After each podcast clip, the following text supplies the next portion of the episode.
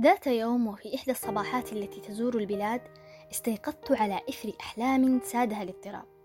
فوجدت أني تحدثت إلى طير صغير وأزرق وبسرعة كتبت قصته قبل أن أنساها عندما أكتب حلقات البودكاست أشعر بأني أكشف عن نفسي ودواخلي لأن هذه المدرسة من الكتابة هي التي أحب. وبالرغم من شعوري بالخجل أحيانا لأني أبدو واضحة إلا أني قبلت هذه التضحية. مقابل المكاشفة وطرح المعرفة أو طرح شعور وفلسفتي الخاصة. روايتي الأولى كانت تتبع هذا الأسلوب الاعترافي ولكن بشكل غير متكامل. والآن وأنا أكتب سواء في مدونتي العامة أو للرسائل الصوتية لا زلت لا أستطيع مداراة خجلي عندما يقرأني أو يسمعني العامة لأني أبدو واضحة إلى هذه الدرجة. أنا النهى كما أعرف نفسي وهذا بودكاست من خلف نافذة. كان يا مكان في إحدى البيوت العامرة.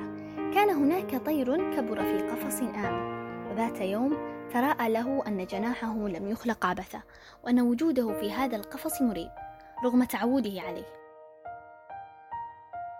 جبل على ذلك وظن أنه في مأمن. كان يصدر ضجيجا ليسمعه العالم من حوله ويأتي إليه ليحمله إلى العالم الفسيح. إلى أنه أدرك سريعا أن صوته غير مسموع. ظل مترددا بصوته الضعيف يرهقه ضياع روحه وتشبته بالمحاولات للانقلاب على الواقع دون أن يبوء بالفشل. قرر التحليق بعيدا عن القفص الذي كان مفتوحا أمامه طيلة سنوات عمره متذكرا أن الحياة أخذت منه حقيقة بقائه بجانب أشيائه كلها ومضى في خطواته الخائفة الأولى إلى الأمام مغمض العينين حتى يشعر بذلك الشعور الذي تعرفه كل الطيور إلا ثم مضى محلقا متأهبا عاليا يجوب الأرض كلها. انتهيت من كتابة قصة ذلك الطير الذي أقلق راحتي وجعلني أحدث نفسي وقمت بهدوء إلى المطبخ. المكان الملهم الذي لطالما أشعل في ذهني فكرة. أو جاوبت فيه عن كلام حدثته لنفسي أو شاردت بحثا عن معنى في حين أن القهوة العربية تستمر في الغليان. في هذه الأثناء وجب علي الاعتراف أني أشبه ذلك الطير الذي حدثتكم عنه وأن الكثير من الأمور تغيرت على نحو لم أتخيل أو كل الأمور بصراحة أكثر. فأنا اليوم محاطة بالكثير من البشر الذين هربت من التصادم بهم طيلة حياتي في عمل لا أحبه لدي أصدقاء كاتبة فاشلة بنسبة 40% بأفكار جيدة بنسبة 60% أصارع مللي بعمل أعمال سيئة.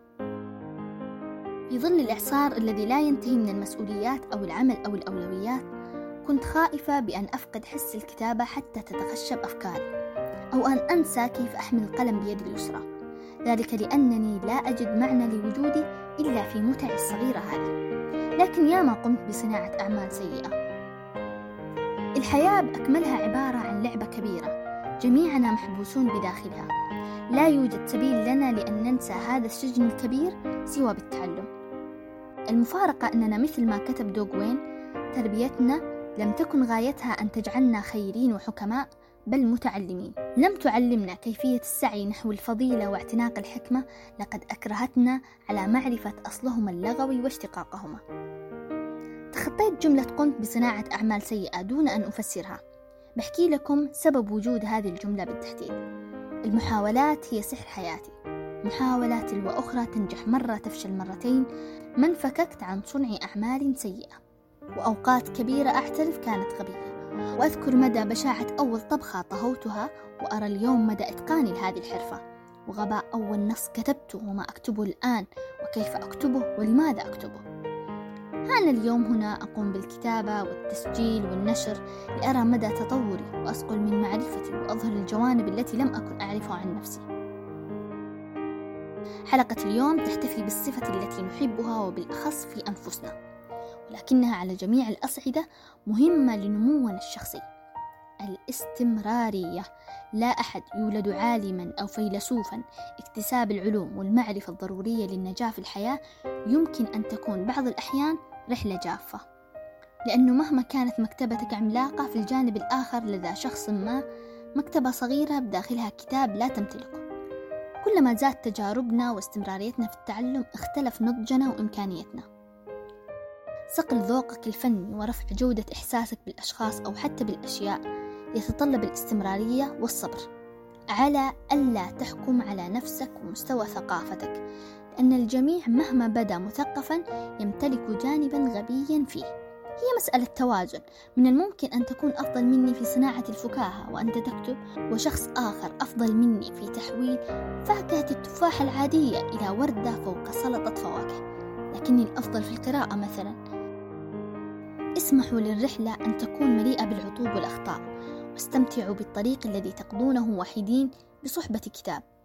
ولا بأس أن تبدأوا رحلتكم الثقافية والإبداعية والحياتية بسيطة أو حتى ضعيفة. لأنه من المستحيل أن تظل هكذا طيلة حياتكم. ومهما كانت المثالية من الخارج هدف مثير للاهتمام لكنها خدعة تبعدكم عن الإنجاز.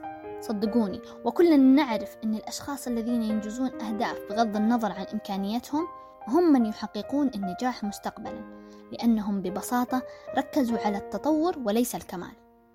لذلك اصنعوا مرة أخرى طريقكم الخاص نحو النضج في عمل تحبونه. القراءة الكتابة الرسم الطبخ التصوير أيا كان لأن الاستمرار فيهم مهما كانت بدايتهم سيئة إنجاز بحد ذاته. أنهي هذه الحلقة وأتمنى أن تشاركوني أعمالكم التي أصبحت جميلة بفضل الاستمرارية.